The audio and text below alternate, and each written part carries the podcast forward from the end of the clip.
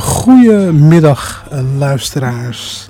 Het is inderdaad weer zover. We hebben vanmiddag Mari Zo Sociaal. En als onderwerp hebben we vandaag verlies en rouw. Uh, in de studio zijn uh, twee gasten aanwezig. Dat is Janine Poppes en Han Hanepen. Han Hanepen is ervaringsdeskundige en Janine is onze professional voor vanmiddag. Han, fijn dat je er bent en ook fijn dat je bereid bent om je verhaal te vertellen. En uh, het onderwerp van vandaag is verlies en rouw. Nou, dat, is, uh, dat lijkt me een, een heftig uh, onderwerp. Uh, maar kun jij vertellen wat jou is overkomen in dit aspect? ik wil eigenlijk bij het begin beginnen. In 1993 heb ik een huis gekocht in Diemen. En ik heb gevraagd of mijn ouders bij me wilden komen wonen. Ja. En ik had een baan dus en dat ging allemaal prima. In 2007 is mijn uh, vader overleden. En dan zou je denken, ja, dat is natuurlijk ook een verlies. Maar ik heb daar niet zoveel van gemerkt. Want ik had mijn baan, ik had mijn, mijn hobby's en zo. Mijn tijd was helemaal volgepland. Dus uh, niks aan de hand. En ja, mijn moeder heeft het eigenlijk ook, zoals ik nu achteraf zie, gewoon zelf verwerkt of moeten verwerken. En in 2010 werd ik werkloos. Dus toen kwam ik dicht bij mijn moeder te zitten. En in 2000, begin 2017 kreeg zij een, een uh, herseninfarct. Hm. Waardoor ze eigenlijk ja, uh, de huishoudelijke werk niet meer wilde doen, niet meer kon doen. Dus vanaf die tijd heb ik voor haar gezorgd. En vanaf 2010 had ik eigenlijk nog maar een baantje van één dag in de week. Ja, ja. Dus je zit veel dichter op elkaar. Je hebt veel meer met elkaar te maken. En uh, ja, op een gegeven moment was ze zo erg ziek geworden. Dat er dus ook thuiszorg kwam. En uh, ja, ze wilde niet eten. En ze ging heel erg achteruit. Hm.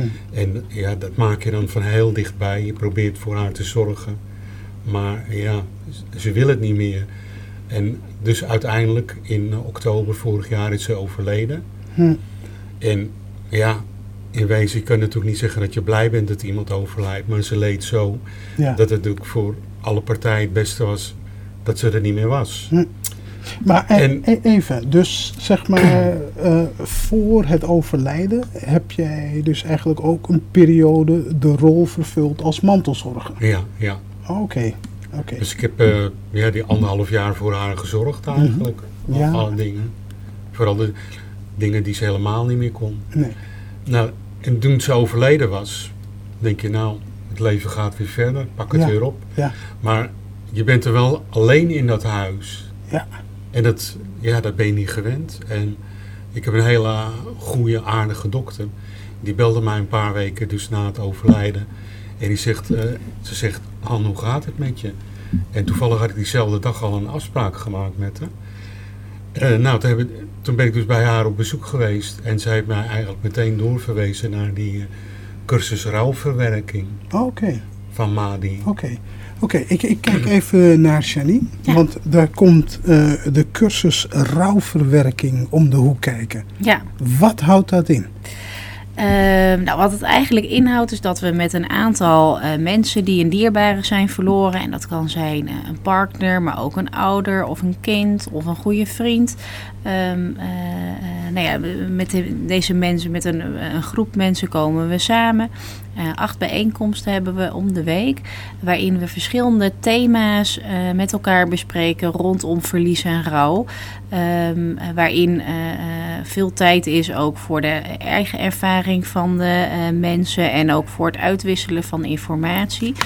En we hebben hier eigenlijk een paar jaar geleden voor gekozen, omdat, omdat wij denken dat de com- combinatie tussen informatie ehm, vanuit de professional en eh, het, delen van de emoties en eh, de gedachten en de ervaringen met elkaar, dat dat gewoon een hele mooie combinatie en balans is waar mensen vaak eh, goed mee uit de voeten kunnen. Mhm. Wij kunnen als professional heel veel vertellen eh, natuurlijk over eh, verlies en rouw en wat we daarover hebben geleerd.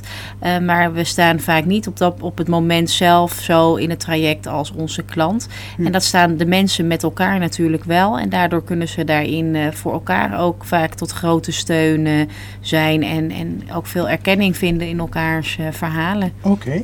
Ehm, jij bent naar die cursus gegaan. We hebben net het theoretische kader gehoord. Hoe heb jij het in de praktijk ervaren?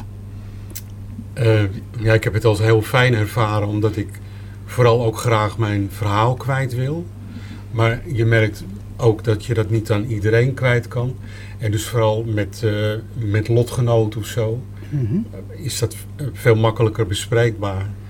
En wat ik ook heel mooi vond, dat bij vooral de eerste bijeenkomsten, dat iedereen toch de- zijn emoties toch een beetje de vrije loop liet. Ja, ja. Dus iedereen vertelde zijn eigen verhaal. En ja, als lotgenoot word je daar ook eh, door geëmotioneerd. Eh, doordat iedereen zijn eigen verhaal vertelt, eh, krijg je ook veel meer. Ja, denk je van, nou, wat ik voel en wat ik meemaak, Ja. dat is niet uniek. Dat is, Nee. anderen hebben dat ook. En het mooie van de cursus is dat het ook weer, zeg maar, een beetje theoretisch eh, geïllustreerd wordt. Hm, Ook met eh, YouTube-filmpjes en dat soort dingen. Oké. En dat, ja, Dus het is heel interactief. Het is Ja, niet ja. alleen maar luisteren en, en zitten, maar je bent eh, echt met groep elkaar bezig. doe je het. Ja. Oké. Ja. Oké. En, ehm, ik, ik ke- keer weer even terug eh, naar jou. Ehm, Zo'n groep, hè, dat, het gaat om eh, Amsterdam Zuidoost, eh, Diemen. Ja. Eh, de diversiteit in zo'n groep. Wa- wat voor dynamiek brengt dat teweeg? Ja, een hele leuke, mooie dynamiek, denk ik. Juist omdat ja, de, de deelnemers heel veel verschillende achtergronden hebben. ga je daar ook met elkaar in, over in gesprek. En kan je daarin ook weer dingen uitwisselen. En wat bepaalde dingen voor je kunnen betekenen. We hebben allemaal met verschillende tradities en geloven en eh, culturen te maken. En eh, eh, nou ja, waar vaak mensen toch ook tegenaan lopen, is dat ze dat niet altijd ehm, zo kunnen uitvoeren als dat ze zou, zouden willen. Of dat ehm, nou ja, heel veel tradities zijn ook aan verandering onderhevig. Of worden, kunnen niet meer zo worden uitgevoerd als dat het in oorsprong bedoeld is. En mensen lopen daar nog wel eens tegenaan. En, ehm, eh, en dat zijn ook dingen die, eh, die we vaak met elkaar kunnen bespreken. En, Kun, en- kun je daar misschien een voorbeeldje van geven? Ehm, nou, je hebt natuurlijk bij heel veel ehm, eh, culturen of ja, tradities waarin je bepaalde periodes van rouw hebt, waarin je bepaalde handelingen verricht of bepaalde kleding draagt. Mhm. en ja, sommige mensen hebben daar eh, behoefte aan eh, en sommige mensen niet. Of, of ook eh, bijvoorbeeld een langere behoefte. Ik heb wel eens iemand gehad die dan een bepaalde periode witte kleding moest dragen. En die eigenlijk zei, maar ik wil het daarna, ik, ik wil het eigenlijk daar, ik was er nog niet klaar mee. Ik vond het, ik vind het nog fijn om dat nog te doen. Terwijl mijn familie eigenlijk ook aangaf, ja, maar waarom dan? Hè? Het, het is nu, die, die paar maanden zijn nu voorbij. Mhm. We moeten weer over naar de volgende fase. Ehm, maar deze dame kon, ja, die, die had die behoefte gewoon nog, eh, die erkenning. En eh, om, om eh, ja, da- dat, nog, dat, dat eerdere stukje nog te doen. Mhm. Ja, en dat, dat zijn dan dingen die we met elkaar kunnen bespreken. Van, goh, wat, wat doet dat met je? Hoe ga je daarmee om? Ehm, ja. Janine, jij, gaf dat ook eh, aan, hè? Dat, er, dat er is een eh, rouw, qua rouwstijl, Ja. dat, er, eh, dat je wel duidelijk verschillen kunt zien tussen mannen en vrouwen. Waar zitten die verschillen? Nou, klopt. Ja, mannen zijn van eh, nature eh, gewoon wat meer eh, van de regelkant. Hè, naar, naar, naar de buitenwereld toe, dingen regelen en organiseren. En vrouwen die zorgen toch wat meer voor de contacten en, en ehm, voor elkaar. Dus wat, wat mannen vaak meer doen ehm, na overlijden is dat ze in de regelmode schieten. Dus ze gaan al het papierwerk doen, de financiën op orde brengen de uitvaart regelen, de woning leeghalen. eh, nou ja, dat soort dingen eigenlijk. En vrouwen die, die, die gaan toch vaak wat meer in de emotie en het eh, zorgen voor elkaar en eh, eh, andere mensen opzoeken. Dus dat is vaak wel verschil wat groot is tussen mannen en vrouwen. Waardoor ja, mannen en vrouwen elkaar ook daarin niet altijd uh, even goed kunnen begrijpen. Uh, je ziet het ook vaak bij uh, als, als mensen bijvoorbeeld een kind verliezen. dat, dat, dat partners daar allebei heel anders mee omgaan. En dat mensen elkaar ook haast verwijten van ja, maar heeft hij dan geen verdriet? Want hij gaat gewoon verder met de boekhouding. Hm. terwijl ja, die, die man heeft dan ook verdriet, maar die zet het in een andere manier en gaat hij daarmee om. Hm. wij zijn als vrouwen ook wat meer praters, mannen ook niet altijd even uh, veel, maar zeg niet dat ze geen verdriet hebben of niet rouwen. Net zoals dat uh, uh, vrouwen op het moment dat ze niet met anderen bezig zijn, ook gewoon hun verdriet kunnen hebben. Oké. dat, ja. En uh, interessant om dit te horen, hè? want als we dan even naar die stijlen kijken en Han geeft uh, zijn ervaring aan, kwam, kwamen die emoties nou los doordat je in die groep zat en die gesprekken voeren? Of wat was het wat die emoties bij jou teweeg brachten die je daarvoor eigenlijk niet uh, had? Ja, die emoties ontstonden toch wel door het verhaal van de anderen. Ja. En waarschijnlijk ook waar je zelf uh, ja, een soort verbinding mee hebt, waar je jezelf in terugkent. Mm Ja, dat emotioneert dan uh, heel erg. En, en dat heeft en je dat, geholpen bij... Dat, dat heeft me wel geholpen, ja. Want ik merk dus aan het eind van de cursus dat, uh, dat ik daar dan, ja, je noemt dan meter mee om moeten gaan, mm -hmm. kan gaan. Maar ik vind dat je emoties wel moet moet tonen als ze er zijn. Je moet ze niet verbergen. Nee, nee. nee. Nee. En ik, ik, ja, ik, misschien mag ik daar een stukje op aanvullen. Want inderdaad, uh, uh, er wordt gehuild met elkaar, maar er wordt ook gelachen met elkaar. Mensen uh, voelen zich soms ook wel wat boos. En ik, ik denk dat daar dat, dat de kracht een beetje ligt, is dat vaak heb je na een overlijden dat je een bepaalde periode vindt je omgeving het oké en normaal dat je op een bepaalde manier reageert. Maar op een gegeven moment verwachten mensen om je heen vaak ook dat dat dan eh, is afgerond, het is klaar, je, je gaat verder met je leven en vragen daar ook niet meer zo naar. Terwijl in de groep ben je daar dan nog mee bezig. En dan heb je ook vaak die ruimte om er gewoon nog bewust mee bezig te zijn. Dus ik denk dat dat ook wel een beetje, een beetje daardoor misschien uh, uh, ontstaat of komt. Ja. Oké. En um, we, ja, we hebben het nu eigenlijk over dat, dat rouwproces. En daar, daar, hebben we veel te maken met emoties en gevoelens. Maar, zoals je al aangeeft, er zitten ook een aantal praktische dingen aan zo'n rouwproces. Kun je daar wat, wat, wat voorbeelden van geven? Welk, met welke zaken krijg je te maken als je in, uh, in zo'n rouwproces terechtkomt? Ja, praktisch gezien is het natuurlijk ook uh, uh, ja, een beetje aan de hand van wie er natuurlijk komt te overlijden. Maar is je, komt je partner te overlijden, dan uh, moet je natuurlijk ook vaak kijken naar je inkomen. Ja, is mijn inkomen nog voldoende of moet ik toch ergens een aanvulling vragen? Ehm, kan ik blijven wonen in de woning? moet ik dingen op mijn naam laten zetten? Zijn er mensen die, die, die, uh, waarmee ik bepaalde dingen moet delen.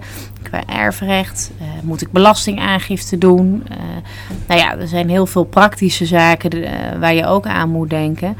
Uh, nou ja, we hadden het inderdaad in die voorbespreking er ook over. Uh, wat wij helaas ook regelmatig zien is dat uh, mensen bij hun ouders gaan wonen, niet op het huurcontract staan en de ouder komt te overlijden en dan eigenlijk ook na drie maanden de woning moeten verlaten. Ehm, ja, dat, dat zijn ook dingen waar mensen vaak tegenaan lopen. Waar, waar wij eigenlijk ook als MADI in hopen preventief ook te, te, te informeren om, om over dit soort dingen ook na te denken. Uh, nog als iemand er nog is. Uh, hè, wat, ja. wat um, ja, sta je op het huurcontract als je bij je ouders in woont? Of heb je recht op de woning? En, en uh, ja, onderzoek dat voor, ja, voor, voor dat het een probleem wordt. Hm. En kijk wat je mogelijkheden zijn daarin. Ja. ja. en, en daarin kan Mari dus een, een, een rol spelen. Ja, wij kunnen daarin zeker wel meekijken van... Uh, hè, um, uh, kunnen we helpen om een medehuurderschap aan te vragen? Uh, hoe doe je dat? Ehm, wanneer heb je er wel recht op, wanneer niet? Ehm, kan er een bezwaar gemaakt worden, maar ook, nou ja, moet je dan toch voor een andere woning ingeschreven worden bij Woningnet? Ehm, zodat mensen daar toch ook op dat stukje voor zichzelf goed blijven zorgen. En niet uh, uh, in hun rouwproces ook nog met dit soort moeilijke problemen komen te zitten. Ja. ja, dus eigenlijk ook hier weer het verhaal van hè, dat het is al lastig natuurlijk dat je in zo'n soort situatie terecht komt. Ja. Maar het is goed om vooraf hè, erover na te denken. Erover na te denken. En niet alleen na te denken, maar ook de stappen te ondernemen. Onder andere richting Madi. Ja, zeker. Uh, dan, want ja, achteraf uh, is het vaak, zijn de mogelijkheden vaak uh, heel beperkt. En vooraf kan je toch nog het een en ander regelen of proberen of wat zekerheid te krijgen. Ehm, ja, dus inderdaad, bevind je je in zo'n situatie ook wat betreft qua inkomen. Als iemand komt te overlijden waarmee je misschien samenwoont en je maakt je daar zorgen over. Informeer je tijdig uh, wat je rechten zijn en hoe je, uh, hoe, hoe je kan zorgen dat je krijgt waar je recht op hebt. En dat kan je zeker bij ons doen. Ja. Oké, oké. Ja, Laat mij ook groeten onze gast op deze dag. Hier Han, ik ben Glenn Kotfried. Janine die ken ik van onze eerdere gesprekken. Ik, ik vind het toch interessant, dit werking en het moment dat iemand overlijdt. Want Janine, een van de gevolgen van, bij het overlijden van een naaste... is dat mensen die dan verdrietig worden... dat het kan leiden tot een, ziektes, gezondheidsklachten... En uh, ook het verdriet kan mensen ook belemmeren in hun dagelijks leven. En, en ik, ik, ik vraag me af, die cursus die is opgebouwd, zijn het specifiek de zaken die hiermee te maken hebben, waarvan jullie denken van wacht even, gaan we kijken in die integrale aanpak. Waar bestaat die verdriet uit? Wat zijn de dingen die misschien die verdriet veroorzaken als het gaat om ziektes? Zijn dat ook zaken waarmee jullie rekening houden bij de intakegesprekken? Ja, we, daarvoor hebben we inderdaad altijd met onze deelnemers een apart intakegesprek. Om ook inderdaad uh, uh, uh, ja, breed te kijken naar iemands leven en hoe gaat het eigenlijk met iemand. Um, ook om te kunnen kijken van nou, wat, wat, waar, loopt dezegene, waar loopt diegene tegenaan en wat kunnen we daarin toevoegen aan de groep. Want we hebben een programma, maar we passen dat wel aan aan de mensen die we hebben en ook de vragen die ze daarbij stellen. Um, en we kijken inderdaad, bijvoorbeeld hebben we ook inderdaad een bijeenkomst waarin we altijd wat meer, wat dieper ingaan op de lichamelijke en geestelijke klachten en wat voor impact die op elkaar kunnen hebben. Dus dat is zeker uh, iets waar we het over hebben. We vragen ook inderdaad altijd wel van... Uh, heeft iemand slaapproblemen? Slikt iemand bepaalde medicatie? Uh, ja, dat, dat zijn wel dingen waar we het dan over hebben, ja. Ja, Han, had je dat gevoel dat je ook ergens in zou verzeld raken... als het gaat om dat wat we nu bespreken? Dat je dacht van, als ik niet geholpen word... dan gaat het verder verslechteren met mijn gesteldheid. Ja, dat gevoel had ik wel, want ik was heel erg lusteloos. Ik had eigenlijk nergens zin in om iets te doen.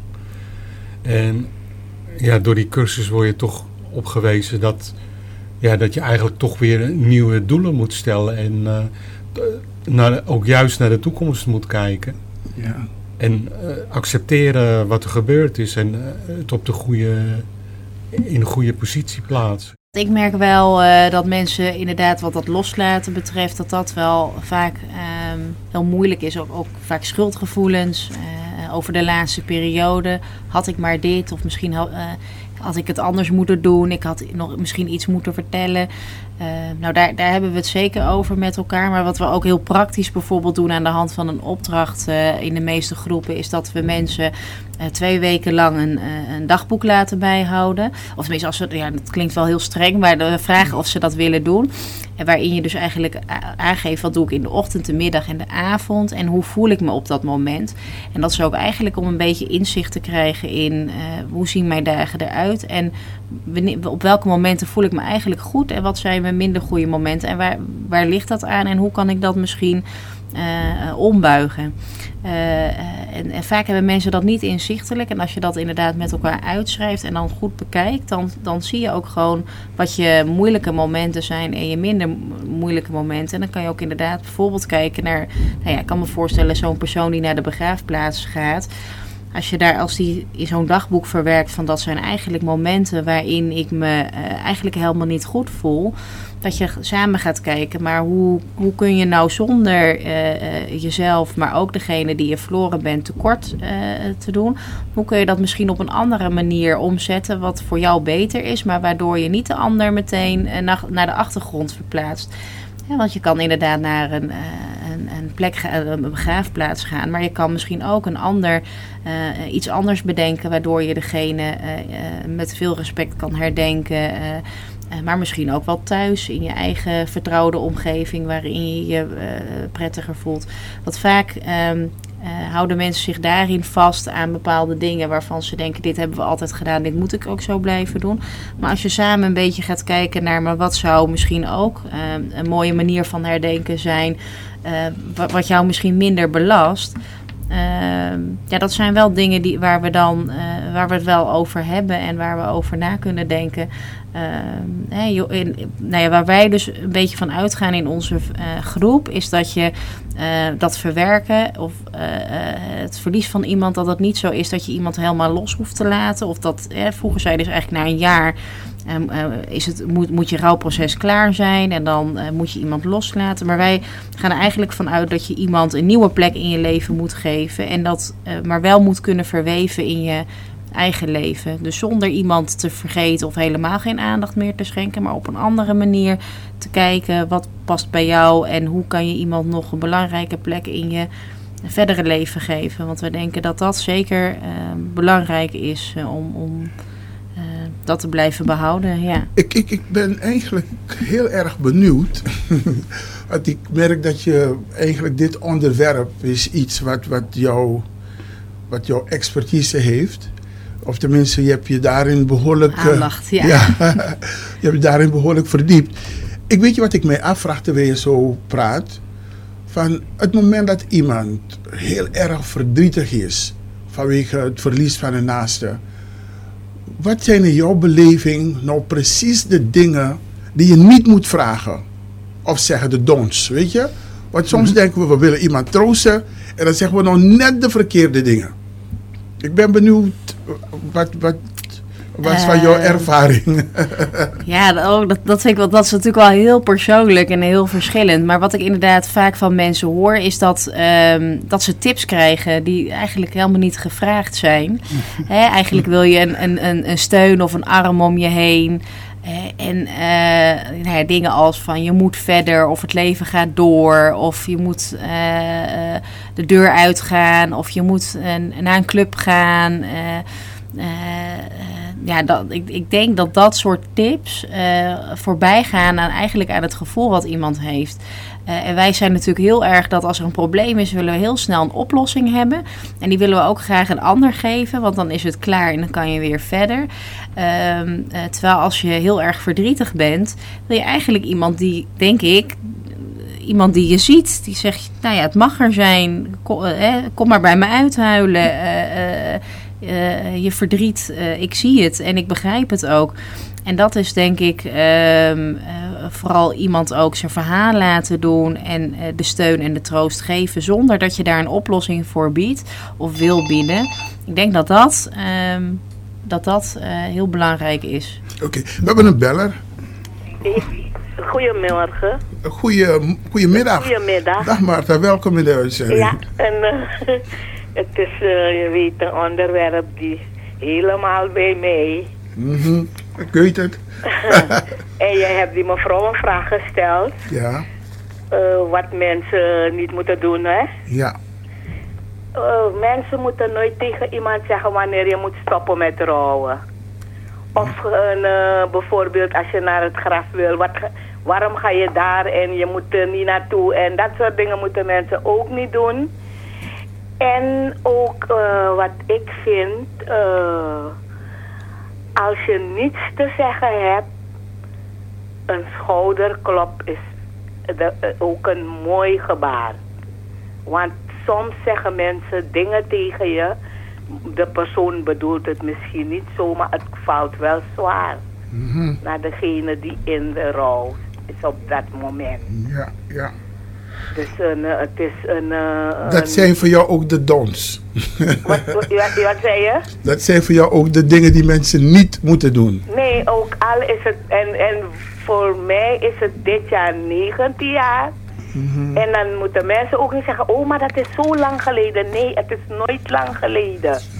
Want hoe langer, hoe, hoe, hoe eh, eh, meer eh, eh, verdrietige momenten je meemaakt. Want je komt op plekken, je ziet dingen en je ziet mensen. Ik was afgelopen dinsdag naar een feest, eh, eh, of maandag, was van de buurt hier, zo'n mevrouw. Is, en dan zag ik de hele buurt, alle kinderen, die man en vrouw zijn geworden, hebben kinderen. En die ene persoon is er niet bij.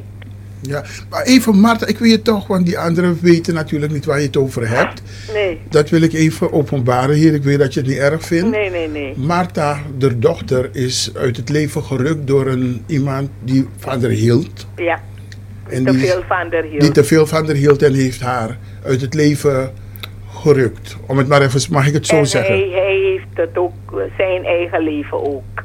beëindigd. Ja, En toch, toch vraag ik me af, Maarten, want als zoiets jou overkomt, ik zou niet weten hoe ik daarmee omga. ja, Want dat is voor mij het meest wrede wat je kan overkomen, dat iemand je kind vermoordt. ja. Maar, maar waar heb jij die kracht gevonden? Hoe ben jij gekropen uit dat stukje? Want je bent ook voor mij een ervaringsdeskundige. Ja, ik heb eh, drie jaar lang lopen gillen. En gewoon gillen op straat. Het maakte me niet uit waar ik was. Ik sta gewoon en plotseling... Ik heb drie jaar constant gehuild. En langzaam... Ik heb heel veel therapeuten gezien. Ze kunnen je alleen een handvaten reiken, maar die pijn kunnen ze je niet, eh, kan niet af, ze kunnen je niet van afhelpen. Dat moet je zelf doen. En ik heb veel gesproken, gebeden, gebeden, gebeden. En ik liep veel en tijdens het lopen sprak ik veel tot mezelf. Tot eh, heel veel praten. En weet je, ik denk mijn dochter Weilen, die was zo'n positief mens. Ik geloof dat ze haar energie heeft overgedragen aan mij. Want ik was niet zo als hoe ik nu ben. Ik was geen sociaal mens. Ik bemoeide me eigenlijk niet met de samenleving. Ik was echt iemand, eh, ik kwam van mijn werk naar huis.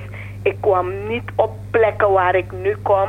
Ik had niet de vrienden die ik nu had. Terwijl zij een jonge dame was, maar ze was bevriend met iedereen. Ik kom nog steeds oudere mensen tegen die over haar praten. En dan zeggen ze, oh, is het je dochter? Dan vertellen ze me verhalen.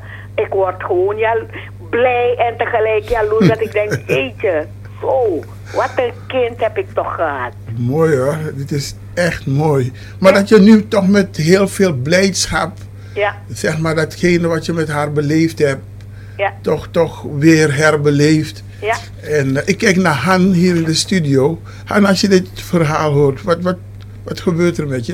Het verha- verhaal van Maarten. Want het is ook een lotgenoot als ik Ja. eh, zo luister. De- eh, maar dit is, dit is haar verhaal is natuurlijk wel heel erg tragisch. Ja. Want eh, ja, in mijn geval is het natuurlijk gewoon een natuurlijk proces geweest. ja. En ik, ik kan me heel goed indenken dat je daar echt helemaal kapot van gaat als je dat meemaakt. ja.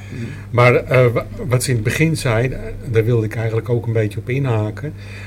Als mensen kunnen heel moeilijk iets tegen je zeggen als je dit hebt meegemaakt. Dus het beste is eigenlijk dat ze zwijgen en En een, schouderklopje, schouderklop, ja. een arm om je heen. ja. Dat is eh, het beste wat iemand dan kan doen. Om, eh, En als iemand huilt en de tegenpartij vindt dat je te lang huilt en wil niet Ja. luisteren, nou zeg gewoon, ik kan het niet aan. Ga zoek professionele hulp of een, eh, Uh, maar ga niet achteraf zeggen, er de je pirismoel of dat soort dingen. dat verstonden jullie niet, hè? we, gaan, we gaan verstonden het niet.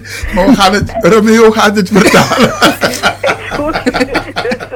Eigenlijk, hè, de, al deze verhalen zo uh, horende, uh, is mijn conclusie dat je de rouw de ruimte moet geven. Hè? Ja. En dat mensen in je omgeving. En we hebben dat ook als onderwerp uh, hier staan. Dat is weer het uh, bekende sociale netwerk. In de voorbereidingen hebben we het daarover gehad. Van ja, wat doe je nou met dat sociale netwerk in zo'n rouwproces? Ja. Uh, nou, we, hebben het daarover gehad. En inderdaad, in de groep hebben we proberen het altijd wel over te hebben met elkaar. Om ook met elkaar eigenlijk te kijken aan de hand van een, een oefening. Van wie, wie heb je eigenlijk om je heen? Hè? Welke mensen zijn belangrijk voor je? Uh, welke mensen staan uh, dicht bij je, maar welke mensen staan ook ver van je af? En zou je misschien willen dat ze wat dichterbij komen of misschien juist weer wat meer afstand nemen? Dus niet zozeer dat uh, zijn we ermee bezig dat je je uh, netwerk per se moet uitbreiden, uh, maar meer um, nou, wie heb je eigenlijk al om je heen en hoe zijn je relaties met deze? Omdat we nou ja, toch ook vaak horen als iemand een groot verlies heeft, dan je inderdaad vaak. Je bent toch vaak een periode wat meer in jezelf getrokken of gekeerd. Waardoor je relaties gewoon ook veranderen. En het is goed om daar uh, ook toch wel weer aandacht aan te besteden. Omdat dat juist vaak de mensen zijn die je ook voor jouw verlies kende en, en weten wie je was. En, en degene die je dierbaar was, die hebben ze vaak ook gekend. Dus vaak proberen we daarin wel samen te kijken van nou ja, wie stonden er om je heen? Staan die misschien nu wat verder van je af? En zou je ze misschien wel wat dichter bij je willen hebben? En hoe zou je dat dan aanpakken? Dus Oh, daarin ook weer die, toch ook een stukje zelfredzaamheid, Ja. maar met wat ondersteuning. Om gewoon daar ook naar te kijken. Omdat ja, ehm, eh, mensen die dichtbij je staan, zijn gewoon heel belangrijk. Die, die cursus, hè, staat die, eh, is dat nou zo dat dat eh, alleen voor mensen is waar een directe verwantschap is? Of staat die open? Hè? Stel, ik, ik noem maar even een, een, een, misschien een beetje een gek voorbeeld, maar mijn buurvrouw overlijdt. En ja, ik had toch wel een goede band met mijn buurvrouw. Kan ik dan ook naar die eh, cursus toe? Ik, ik denk al als je inderdaad ehm, eh, iemand eh, verliest waar je eh, eh, ehm, eh, dichtbij stond, dat je, dan ben je zeker welkom. We hebben altijd wel met iedereen natuurlijk een intakegesprek om te Mhm. kijken, nou ja, waar loop je tegenaan en eh, eh, ja, kunnen we daar inderdaad aandacht aan besteden? En is dat één op één misschien beter of in de groep? Maar inderdaad, dat kunnen ook goede vrienden zijn of buren. Of als, als iemand belangrijk in jouw leven is geweest en je die verliest, dan eh, heb je te maken met een verliesverwerking. En eh, ben je zeker welkom.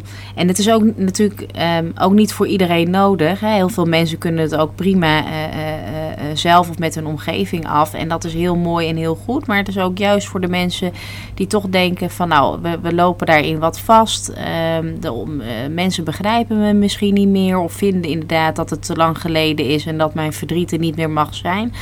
Nou ja, ik vond het heel mooi eh, eh, wat eh, Mart, Marta of Mart, Marta Marta, ja. inderdaad vertelde van eh, eh, de- de- hè, hoe lang geleden het ook is. Eh, iemand blijft gewoon een belangrijk onderdeel van je leven. En, en dat verdriet eh, zal er altijd in bepaalde periodes of misschien de meest onverwachte momenten eh, eh, weer zijn. En, en daar mag gewoon aandacht aan gegeven worden.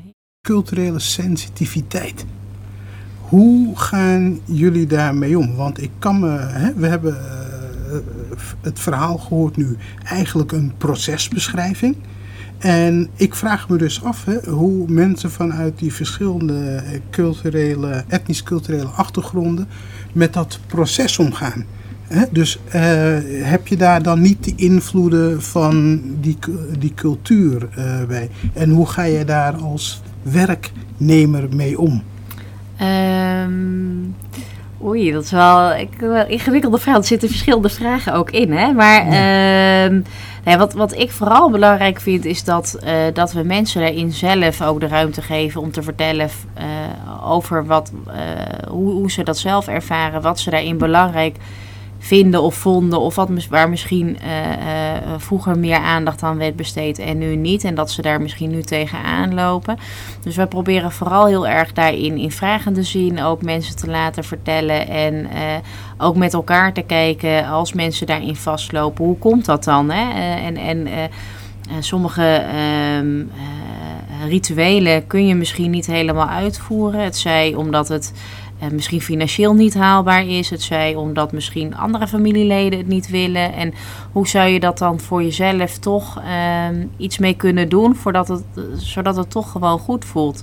Ehm, maar ik denk vooral inderdaad dat mensen eh, de, openheid om het met elkaar uit te wisselen en wat het met je doet, dat dat vaak belangrijk is om eh, te bespreken. En wij zijn daar gewoon wel heel open in, maar ook vrij blanco in. Dus wij zullen daar niet zo snel op Een sturen eh, of geven. Nee, want dat kan natuurlijk. eh, eh, wij kunnen daar ons heel, heel erg in verdiepen en de materie goed kennen. Maar vaak weet, hebben heel veel families toch ook hun eigen tradities daarin verweven. En is het voor iedereen toch net anders. En juist wat maakt het voor jou anders en wat heb je daar wel of niet in gemist?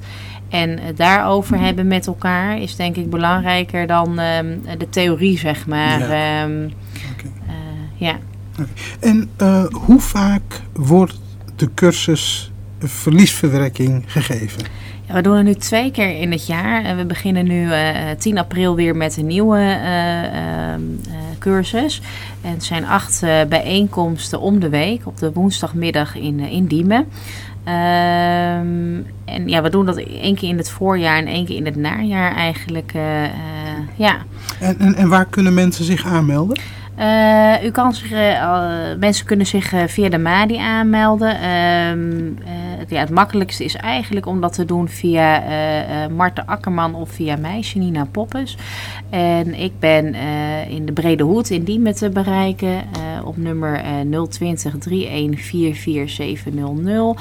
Of een e-mail te sturen naar j.poppes, madizo.nl.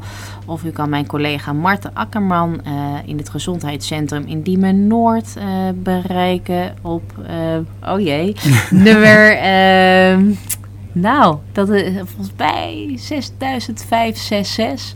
Eh, of u kan ook een mailtje sturen naar m.akkerman met ck, @madizo.nl. Eh, nou, en dan moet het goed komen. En u kan ook altijd via de Kaspeldreef u gewoon eh, aanmelden. En dan zorgen ze ook dat uw gegevens bij ons eh, terechtkomen. Ja.